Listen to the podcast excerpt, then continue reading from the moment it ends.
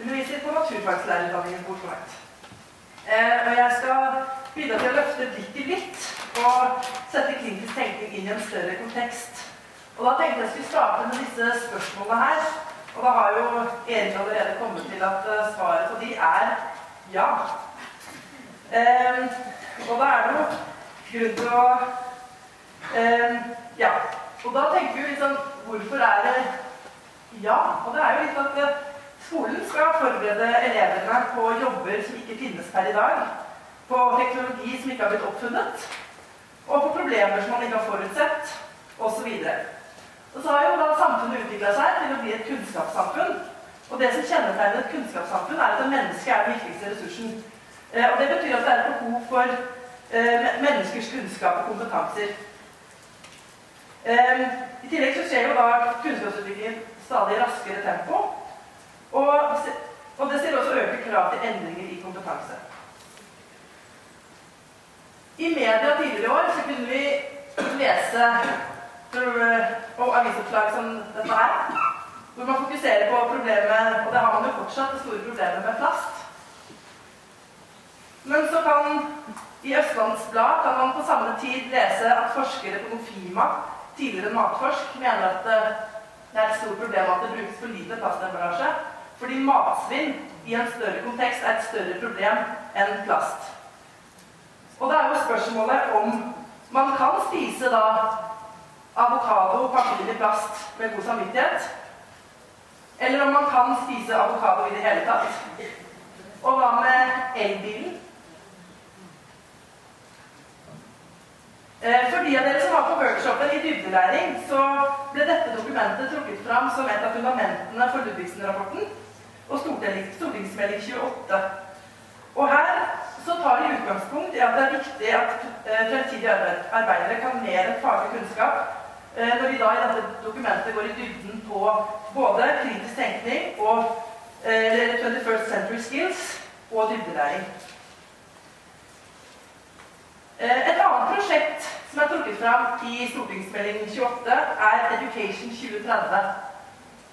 Eh, de som starter på skolen i år, i år 2018, de skal være unge voksne i 2030. Eh, de skal jobbe fram til ca. år 2080. Og for å sette det i et perspektiv, så ble de født samme år som iPhone, eller Apple lanserte sin iPhone 5. Eh, så gjennom dette prosjektet så ønsker OECD å svare på hva slags kunnskaper, ferdigheter, holdninger og verdier disse elevene trenger i fremtiden. Og fokuset her er ikke bare på fremtidig arbeid, men også hva de trenger for å bli ansvarsfulle og deltakende borgere. Og hovedelementet her, målet, er på en måte velferd.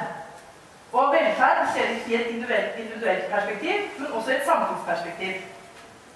Eh, og, eh, og, da har de symbolisert dette her med dette her er læringskompass. Hvor eh, kompassnåla peker mot velferd. Og, det, og, dette læringskompasset det symboliserer da elevene som deltakende eller lærende navigatører i en kompleks og utfordrende verden.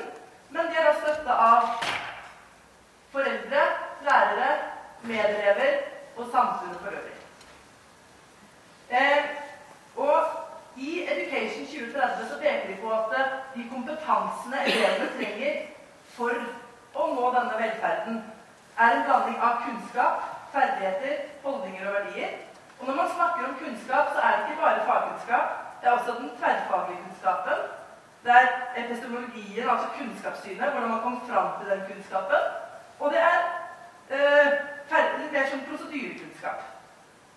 I tillegg så har man da både kognitive og metakognitive ferdigheter. Man har sosiale og følelsesmessige ferdigheter og mer i fysiske ferdighetene. Og så introduserer vi også da det med holdninger og verdier eh, på et personlig plan, i, i, en lokal sammenheng, det å se det globale perspektivet og det å se samfunnet for øvrig. Eh, og sentralt i denne ukjente fremtiden som trekkes frem, i både Education 2030 og i alle disse andre dokumentene som fokuserer på 21st Century Skills, så er utdanning for bærekraftig utvikling. For det er det mye av det, de problemene vi har i dag, er i stor grad knytta til bærekraftig utvikling. Og hvis vi ser på disse tre definisjonene av bærekraftig utvikling, så ser vi at det handler om veldig mye av det samme som det som 21st Century Skills handler om. Det handler om å bli ansvarlige borgere. Det handler om holdninger og ferdigheter til å kunne delta aktivt i beslutninger. Så til syvende og sist så mener jeg da at uh, utdanning for bærekraftig utvikling og 21st Century Skills er to sider av samme sak. Begge deler handler om utdanning for fremtiden. Eh, og Jeg skal nå gå videre med fokuset på utdanning for bærekraftig utvikling i denne konteksten. Men når jeg da snakker om utdanning for bærekraftig utvikling, så er det bredere enn de tre, eller som det ene av de tre tverrfaglige temaene som skal være i de nye læreplanene. Fordi eh, det er ikke temaavhengig nødvendigvis. Tråd med i naturfag så bruker vi, eller jeg er veldig sansen for eh, de som snakker om 'education through science', at naturfagsklasserommet kan være arena for mer generell utdanning og skolens samfunnsmandat. Men man kunne jo også kalt det 'education through language' eller 'education through eh, et eller annet'. Eh, fordi det handler om hvordan vi som parallelt med at vi underviser fag, også kan ha et høyere mål med undervisningen vår. Eh, og i, denne, i, dette perspektivet her så, så, har man i Sverige i år 2000 gjort en undersøkelse der man fant at det var tre ulike tradisjoner for utdanning for bærekraftig utvikling. Det var faktabasert, normativ og pluralistisk. Og den faktabaserte tradisjonen den vokste frem i løpet av 1960- og 70-årene. Da man så begynte å se miljøproblemene for alvor. Og man tenkte da at for å løse disse miljøproblemene så trenger vi mer kunnskap. For har vi mer kunnskap, så vil vi da automatisk ta de riktige valgene. Og lærere da, de fant da i det studiet at de lærerne som underviste til denne tradisjonen, og som hadde dette synet på utdanning for bærekraftig utvikling, de benytta seg i stor grad av tradisjonell lærersentrert undervisning. I 1980-årene fikk man et større perspektiv på den konflikten som er, var mellom mennesker og natur. Og man så at miljøproblemer i stor grad skyldtes denne konflikten. Eh, og Dermed så tenkte man med at det viktige var at elevene fikk de riktige holdningene. Så hvis vi som lærere kunne være eksperter som kunne fortelle dem hva de skulle mene, så ville det gjøre at elevene våre da handla riktig. Eh, og I den undervisningen her fant jeg at det i større grad var elevaktiv undervisning, der elevene selv fikk eh, søke til fakta og et bruk av gruppearbeid. Etter at bærekraftsbegrepet ble introdusert på slutten av 1980-årene, eh, så, eh, eh, så begynte den pluralistiske undervisningstradisjonen å vokse frem. Da var miljøfokuset bytta ut med bærekraftsfokus. Og man begynte å se at det, disse miljøproblemene, bærekraftsproblemene, det skyldtes, ikke, skyldtes i stor grad interessekonflikter. og det gjorde at det finnes ikke ett riktig svar på dette, denne problemstillingen. Eh, så det, så det, hjelper ikke å lære elevene den riktige kunnskapen eller den riktige handlingen. Det man må lære elevene, er å tilegne seg kunnskap, tilegne, tilegne seg kompetanser, sånn at de selv kan utvikle egne holdninger.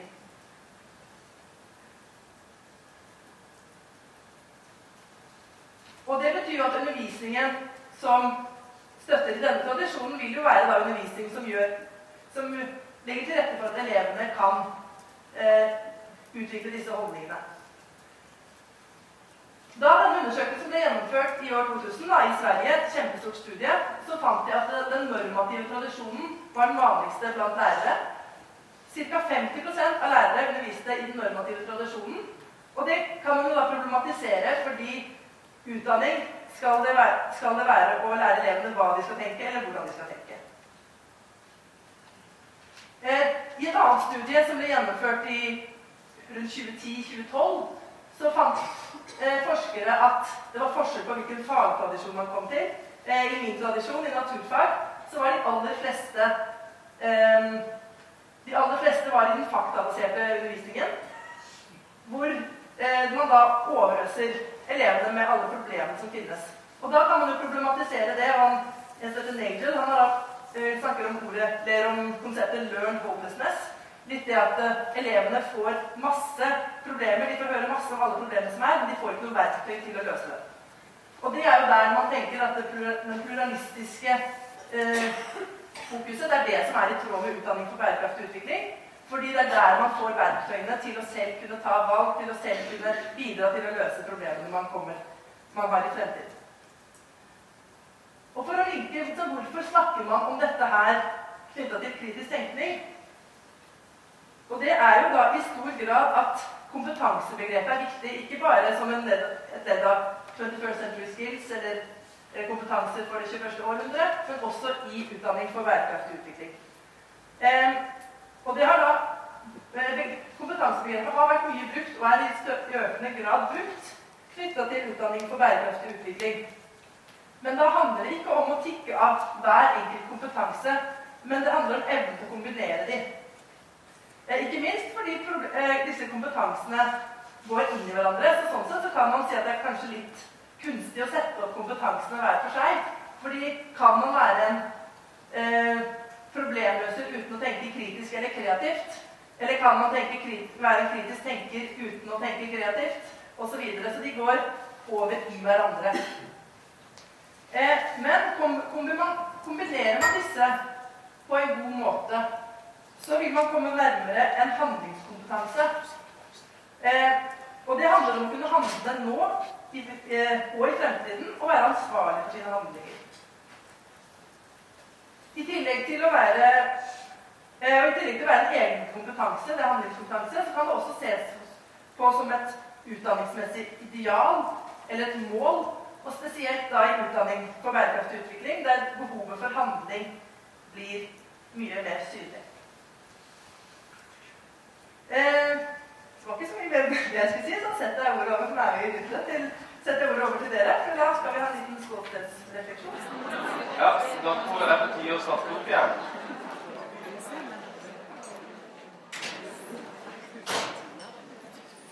Jeg håper alle hadde en god diskusjon eh, og også kjente seg litt kaffe og frukt av det dere måtte ha behov for. Eh, det blir også gode muligheter for påfyll etter hvert. Det blir lunsj. Og så skal vi også ha en ny refleksjon eh, senere. Det blir flere refleksjoner i løpet av dagen. Jeg tenker det er veldig viktig. Eh, selv om det er mye informasjon som kommer nå, sånt, så er det viktig at dere får litt tid til å prosessere dette og tenke over dette eh, også i denne prosessen. Eh, det handler litt om det handler litt om eller det handler mye om det her forståelsen av krigstenkning. Og hvordan forstår krigstenkning i, i faget og, eh, altså i pedagogikken, eh, og hvordan forstås det i uh, de sentrale dokumentene i fagfornyelsen. Og vi tenker at den diskusjonen og den forståelsen er ganske viktig å ha nå, som har blitt sagt tidligere, for å kunne senere gå inn og jobbe med dette med eh, praktisk retta. Så vi holder blikket litt på det overordnede nivået her. Men eh, dette er også en veldig klar relevans til det arbeidet som vi må gjøre når vi kompetansemål i fag foreligger, og vi må oversette det til lokale læreplaner og til eh, eh praktisk undervisning. Som Kirsti eh, snakket om her i stad, så har OECD eh, trukket mye fram med holdninger i sin, sitt arbeid. At holdninger er, eh, altså det er en viktig en veldig viktig del av, å utvikle kompetanse. Og holdningskompetanse. Um, man, må bare, man må ikke bare utvikle uh, ferdigheter og kunnskap og sånn. Man må ha visse disposisjoner som gjør at man kan, kan sette disse i bruk. Ludvigsen-utvalget eh, så som sagt på dette her. Og eh, kom til den konklusjonen i sine, sine rapporter at man trenger en bredere kompetansedefinisjon. I lys av den uh, nye forskningen som har kommet, så er det noe viktig holdninger og er, uh, ikke minst i forhold til dybdelæring, så trenger man som heter de, å fornye den eh, definisjonen som nå. Altså evnen til å mestre en kompleks utfordring eller utføre komplekse aktiviteter og oppgaver. Så er det kun eh, eh, kunnskaper og ferdigheter her som kommer. Så ingenting om holdning. Så er det selvfølgelig en tanke ikke sant, i læreplanverket, den generelle delen sånn, at dette arbeidet her skal føre til holdning. Selvfølgelig er det det. Holdning er en sentral del av skolens samfunnsoppdrag, men det var ikke en del av kompetansedefinisjonen. Dette har da kanskje ført til at holdninger ikke jobbes så mye med i skolen som det burde, kan man mene. Eller at kompetansedefinisjonen blir styrende. At man eh, mister fokus på holdninger. Det er også forskning som har vist at man, den generelle delen av læreplanverket har kanskje ikke blitt brukt nok. Eh, man, I en hektisk hverdag så blir man fokusert på kompetanse, kompetansen sånn den er utformet i fagene. Og alle faglige kompetansemålene som vi har i dagens læreplaner, de er altså utformet på bakgrunn av denne eh, definisjonen som vi ser her. Eh, men hva ligger da i dette en bredere kompetansedefinisjon? Hva var det egentlig Ludvigsen som fortsatte? må vi se litt på igjen på det han skriver. Han beskriver, eh, eller Utvalget beskriver eh, ulike kompetansedefinisjoner. Noen har hovedvekt på kognitiv utvikling, f.eks. tenkning og problemløsning. Det er altså de smale. Mens andre definisjoner har en bredere tilnærming, der utvikling av kompetanse handler om både kognitive, motivasjonsmessige og sosiale aspekter. En annen måte å beskrive et bredt kompetansebegrep på er at det å være kompetent forutsetter kunnskaper, ferdigheter og holdninger. Altså tre hovedelementer her, ikke bare to. Ikke bare kunnskap. En slik kompetansedefinisjon omfatter også verdimessige og etiske vurderinger. Altså man ønsket å løfte fram dette i kompetanse. Og Her ser vi en sånn kompetansedefinisjon, en bred kompetansedefinisjon i, i praksis. Dette er OECDs, litt eldre på 2005. Eh, da eh, definerte man kompetanse som evnen til å møte og håndtere komplekse utfordringer i en bestemt sammenheng. Å handle kompetent eller effektivt trenger mobilisering av kunnskap, kognitiv og ferdigheter. I tillegg er sosiale og atferdsmessige komponenter som holdninger, emosjoner, verdier og motivasjon. Der ser jeg, ikke sant? Det er en klar handlings, handlingsdimensjon her man skal kunne møte og håndtere komplekse utfordringer. Altså kompetansedefinisjonen er helt klart eh, kan man si instrumentell. Kompetanse handler om å gjøre noe i praksis. Man skal håndtere noen utfordringer. Men for å kunne håndtere disse utfordringene så trenger man da holdninger eh, og sosiale atferdsmessige komponenter. Holdninger, emosjoner, verdier og motivasjon. Disse er helt nødvendige for å kunne håndtere disse komplekse utfordringene.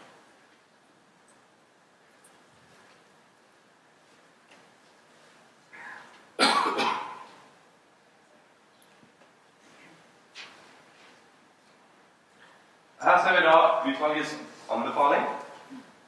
Hva var det Ludvigsen-utvalget endte med å gå for?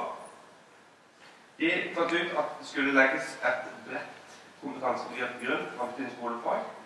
Mestre utfordringer, løse oppgaver i ulike sammenhenger. Og omfatte både kognitiv, praktisk, sosial og emosjonell læring og utvikling. Inkludert holdninger, verdier og etiske vurderinger.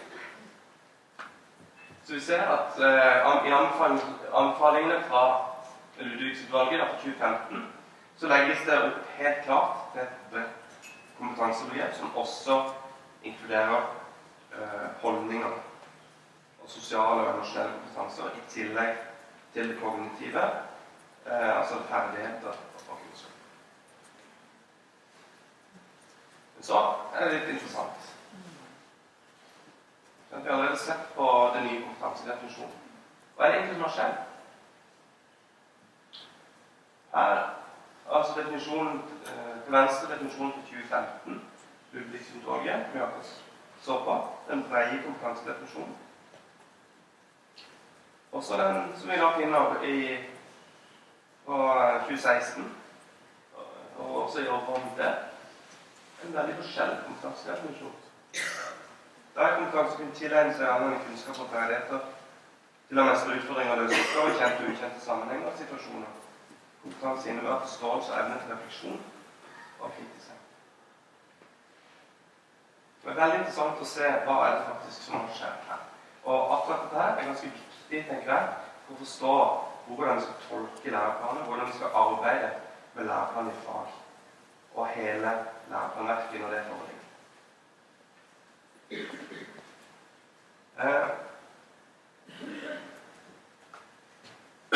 vi ser jo her For det første så har man eh, presisert dette med kjente og ukjente sammenhenger. Det er jo, det er jo eh, egentlig følger av det Ludvigsen sier om å løse oppgaver i ulike sammenhenger. Her presiserer man skal ha kjente og ukjente sammenhenger. Dette er i tråd med dybdelæring. At man skal kunne tilegne seg kunnskap innenfor ett område, så skal man kunne bruke den i nye eh, sammenhenger. Så kunne anvende. Dette ønsket Kunnskapsdepartementet og regjeringen å vektlegge mer. Og så kommer også dette som vi akkurat har snakket om, forståelse og evne til refleksjon og kritisk tenkning. Altså også eksplisitt inn. Det betyr jo ikke at Ludvigsen-utvalget ikke opptatt av kritisk tenkning. Ingen, ingen vis. Men det er løftet fram i selve definisjonen innebærer en spesiell vektlegging. Og her, her ønsker Kunnskapsdepartementet å vektlegge dette eh, ekstra. Ja, vi har allerede sett på begrunnelsene for dette tidligere. Eh, men sosial og emosjonell læring, hvor er det? Hvor er verdien av de etiske vurderingene? De, de er vekk. De er rett og slett tatt ut. Um, og hva betyr det? Har vi en regjering som ikke er opptatt av etikk og verdier? Det er ikke bare regjeringen, Stortinget har satt sitt stempel på dette. Det skurrer litt. Vi må se altså, hva er det faktisk som har skjedd. Hvordan begrunner KD dette her? Altså ikke fordi at ikke dette er viktig. Dette er helt essensielt. ikke sant? De tar det vekk fra kompetansedefinisjonen. Men samtidig så sier de eksplisitt også at dette er ikke, ikke uviktig. Det er en del av skolens uh, mandat. En veldig viktig del av skolen. De begrunner på denne måten her. De sier for det første at en del sider ved de sosiale og emosjonelle ferdighetene er ikke egnet som del av grunnlaget for vurdering og elevens faglige kompetanse. Så det er vanskelig å eh, vurdere. Når du vurderer fagkompetanse, kan du vurdere ferdigheter og kunnskaper som du viser, men det er vanskelig å vurdere elevens eh, sosiale ferdigheter og holdninger i en konkret vurdering ser det, ikke sant, at Hvis den Ludvigsen-definisjonen hadde kommet gjennom, så hadde det vært ganske, en ganske stor endring fra i dag. Denne definisjonen som Kunnskapsdepartementet var inne på, er mer konservativ i forhold til Det ligger tettere opp til eh, definisjonen som vi har i dag. Den presiserer noen ting, men eh, den er mer eh, begrensa. Eh, faglig kompetanse kompetansen skal legges til grunn i vurderingen av elevens måloppnåelse i faget. Og i, og i, at den skal legges under vurderingen, så ligger det også en antakelse ikke sant, om at vurdering, hva som vektlegges i vurdering, legges også vekt på i undervisning. Og når elevene jobber med faget. Det er jo masse forskning som viser ikke sant? Skal dette vurderes, er jo spørsmålet man får. ikke sant? Eh, så det blir også pekt på et at hvis man legger til holdninger og sånn i kompetanse eh, så vil fokus tas bort fra det faglige. Det som man så på kanskje som kjernen i faget. Kunnskapen av ferdigheten. Så det var, det, det var det ene siden av argumentet. Så har vi den andre siden, som vi argumenterer ut fra. I, i stortingsmelding 28, altså nå har vi denne meldingen på 2016, som da var grunnlaget for det videre arbeidet med overordnet del og, og med eh, læreplanen for fag. Der skriver de at det også er etiske dilemmaer knyttet til å vurdere sosiale og emosjonelle sider ved elevenes læring utvikling. Sosiale og emosjonelle ferdigheter kan likevel spille en sentral rolle gjennom å bli ivaretatt til andre deler av det. Er det nøkkelen? Ja. Man mener at det er problematisk å vurdere elevens eh, altså emosjonelle sider, sosiale emosjonelle sider og holdninger. At det er problematisk å vurdere disse. Selv om ikke det er holdningen seg selv, sånn, som Kirsti snakker om. Men det er ikke at du skal komme fram til en bestemt holdning. Men de ønsker likevel å sette, sette ned foten her. til at vi skal ikke gå inn og vurdere inn i dette området, vurdere holdninger og, og sosiale, emosjonelle ferdigheter hos elevene. Det er etisk eh, problematisk, sier de.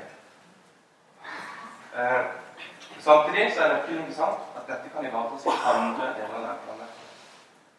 Og hva er de andre delene av læreplanverket i forhold til kompetansemål for fag? Jo, det er mer overordnet enn det. ikke sant? Det som nå heter formål for faget, som vil hete om faget. Og over der igjen ikke sant, så har du eh, overordnet delen av, av læreplanverket. Det er overordnede deler. Så ved å si at disse her eh, holdningene og sånt skal, skal være viktige i det overordnede planverket, så sier Kunnskapsdepartementet nettopp ikke sant, at dette er viktig. Disse holdningene og verdiene vi jobber mot, er kjempeviktige. Og det, det, er ganske viktig, tenker jeg. for Hvis man ser det som overførsel, så kan det se ut som at dette tas bort. Det skal ikke være viktig. Men det er det i aller høyeste grad. Men det må jobbes med eh, og beskrives i andre deler av verneverket. Det vil si man kan ikke jobbe med det isolert andre deler av verneverket. For hvordan jobber man med med overordnet del. Altså. Det er ikke sånn at man Jeg tror mange av dere som liksom har en sånn time i uka hvor dere stopper opp og så tenker nå skal vi jobbe med den generelle delen av læreplanen. Det er ikke sånn man gjør det i praksis. Det må, det må jo uh, gjennomsyre arbeidet i faget. Og det betyr ikke sant, at når man jobber med de overordnede målsetningene, så må det jobbes sammen med faget. Og den forskningen og det som viser at utvikling av holdninger, sosiale, emosjonelle ferdigheter, at det er viktig for å utvikle kompetanse i faget, den blir jo avvist på noen måte her. Det er viktig. Det er en viktig sammenheng. Har stor sammenheng med det faglige og det emosjonelle. Men man må, det holdes likevel atskilt. Men det betyr at når du da jobber med eh, et fag, eller et emne et fag, så er det samtidig jobber du med den faglige læringen som beskrives kompetansemålene, men du jobber også mot noen overordnede holdninger øh, og verdier. Sosiale og emosjonelle ferdigheter. Er dere med? Det, jeg syns jeg syns sjøl at det her er litt eh, komplekst å gå inn i, rett og slett. Det, det er ikke Man, man skal lese disse argumentene ganske nært for å se disse nyansene. Um, men det, det som iallfall er helt tydelig, er at uh,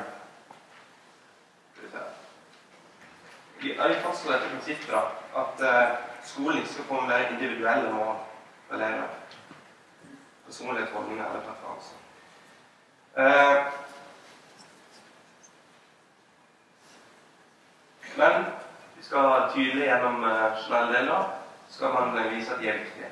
Og så kan man jo selvfølgelig også vurdere disse på et høyere nivå. Skolen må være altså Man må ha en refleksiv man må være selvkritisk også på et skolenivå. Klarer vi som skole å nå disse målene? Får vi, får vi tak i Eller bidrar vi til å utvikle elever som tenker selvstendig og kritisk, f.eks.? Viktige holdninger. Altså lærer de, lærer de bare metodene, det de bare ferdigheten, sånn at de i prinsippet kan gå ut der og og handle kritisk. Men i realiteten så har de helt andre holdninger og er ikke interessert i å, å bruke eh, disse kunnskapene og ferdighetene til, til, en kritisk måte. Ikke sant? Det, det, det vet man om. Det, det vet lærerne, det, det vet skolen om. Selv om man vurderer det individuelt for elever i arbeidende kompetansemål, så kan man likevel vurdere eh, på skolen. Og Når man tenker på skolenivå, sier man, og så er det selvfølgelig også en viktig del av, dette med elevsamtale og utviklingssamtale. Som ikke er en del av den formelle vurderingen, men som elevene likevel har eh, krav på, som er kjempeviktige. Der snakker man jo selvfølgelig masse om, om disse sosiale kompetansene og den type ting. Hvis man er bekymra for at elevene utvikler bestemte holdninger, sånn, så er det når man får opp det, er ikke en del av den faglige vurderingen av kompetansemål i fag.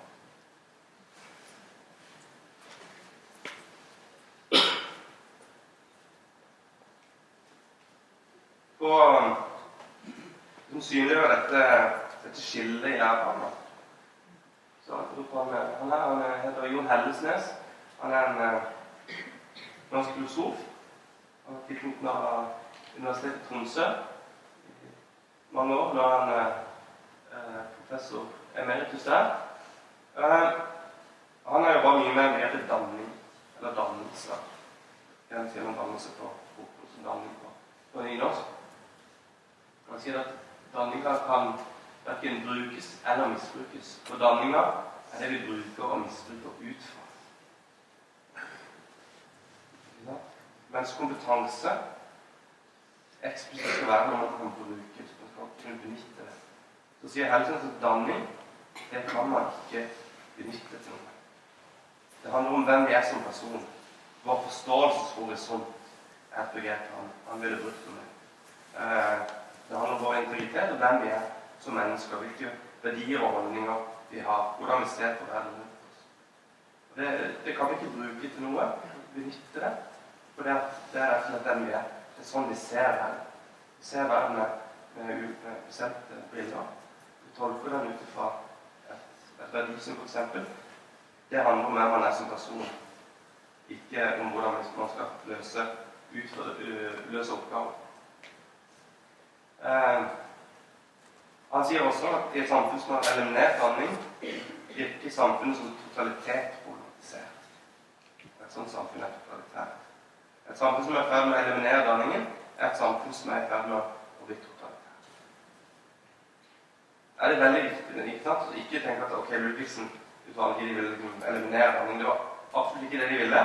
Ludvigsen-utvalget tenkte at danning er kjempeviktig, men danning siden danning er så viktig, så må det bli en del av kompetansedefinisjonen.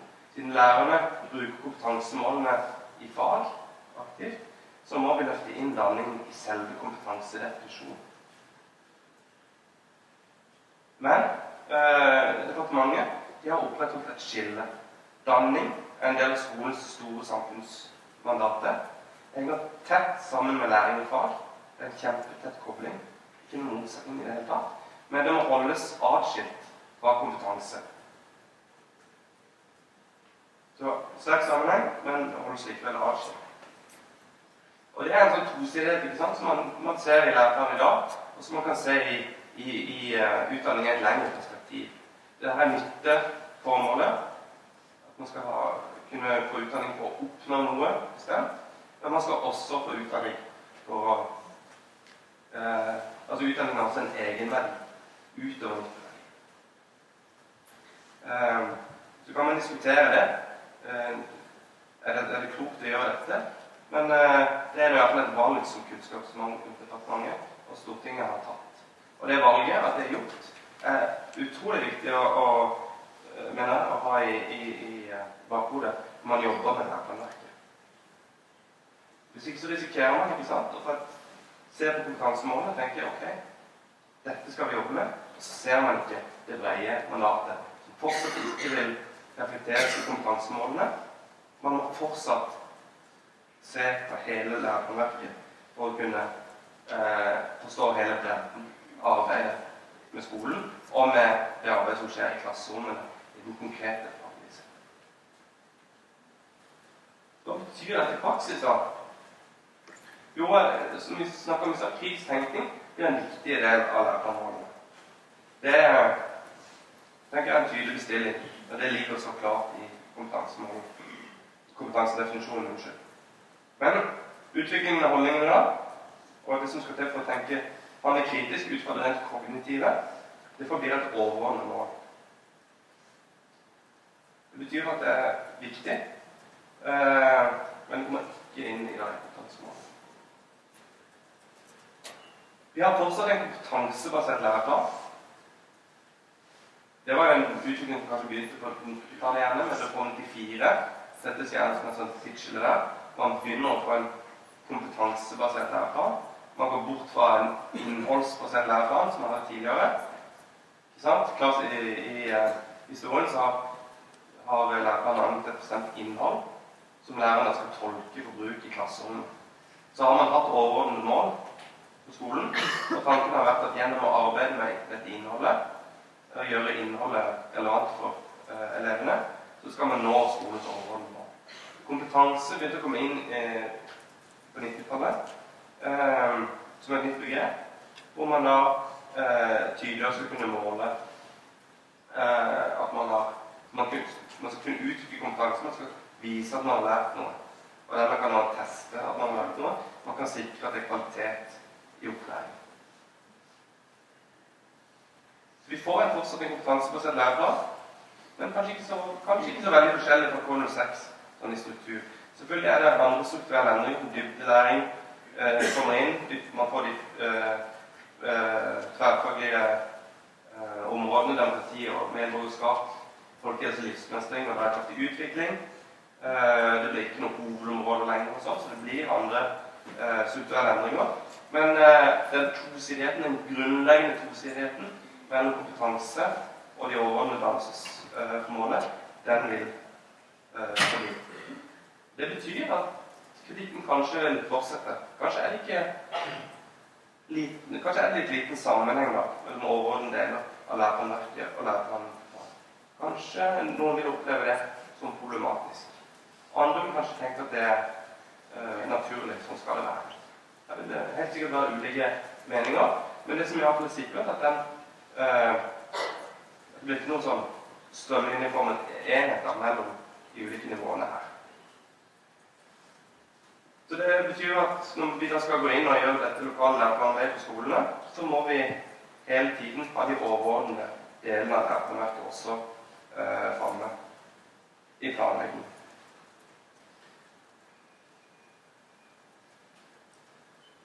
Da tenker jeg det er tid for eh, en refleksjon igjen.